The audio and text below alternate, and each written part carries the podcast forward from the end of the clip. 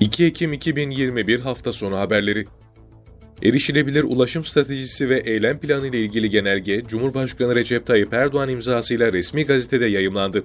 Genelgede ülkenin kalkınma vizyonu çerçevesinde ulaştırma ve altyapı yatırımlarının küresel gelişmeler ve eğilimler doğrultusunda hareketlilik, dijitalleşme ve lojistik ekseninde gerçekleştirildiği belirtildi. Ulaştırma ve Altyapı Bakanlığı tarafından hareketlilik odağında geliştirilen strateji ve politikalarda ulaşım zincirinin tüm halkalarını kapsayacak şekilde sunulan ulaşım hizmetlerine toplumun her kesiminin eşit koşullarda kesintisiz ve güvenli, bağımsız şekilde erişmesinin önem arz ettiği vurgulandı. Türkiye'de dün 28.873 kişinin COVID-19 testi pozitif çıktı, 210 kişi hayatını kaybetti. Sağlık Bakanlığı'nın paylaştığı günlük koronavirüs tablosu verilerine göre dün 356.352 COVID-19 testi yapıldı, 28.873 kişinin testi pozitif çıktı, 210 kişi hayatını kaybetti. İyileşenlerin sayısı ise 26.224 oldu.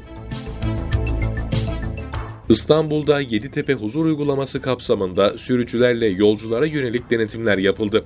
Beyoğlu, Fatih ve Kadıköy ilçeleri başta olmak üzere İstanbul'un birçok noktasında polis ekiplerince denetimler gerçekleştirildi. Helikopterle havadan desteklenen uygulamalarda kontrol noktalarında durdurulan araçtakilere kimlik kontrolü yapan ekipler şüpheli gördükleri kişilerin üstünü aradı.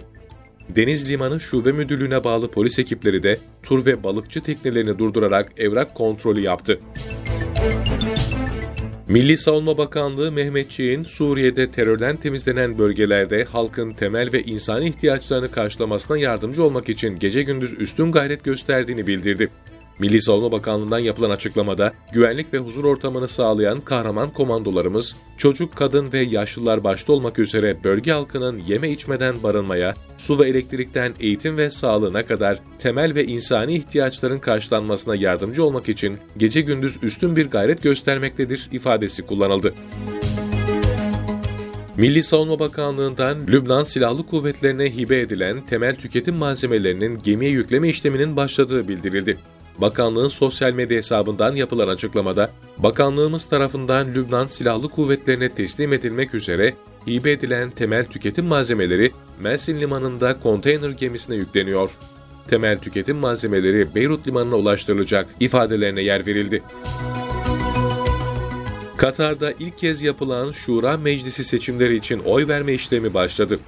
İlk kez milletvekili seçimlerinin yapıldığı Körfez ülkesi Katar'da seçimlere katılımın yüksek olması bekleniyor.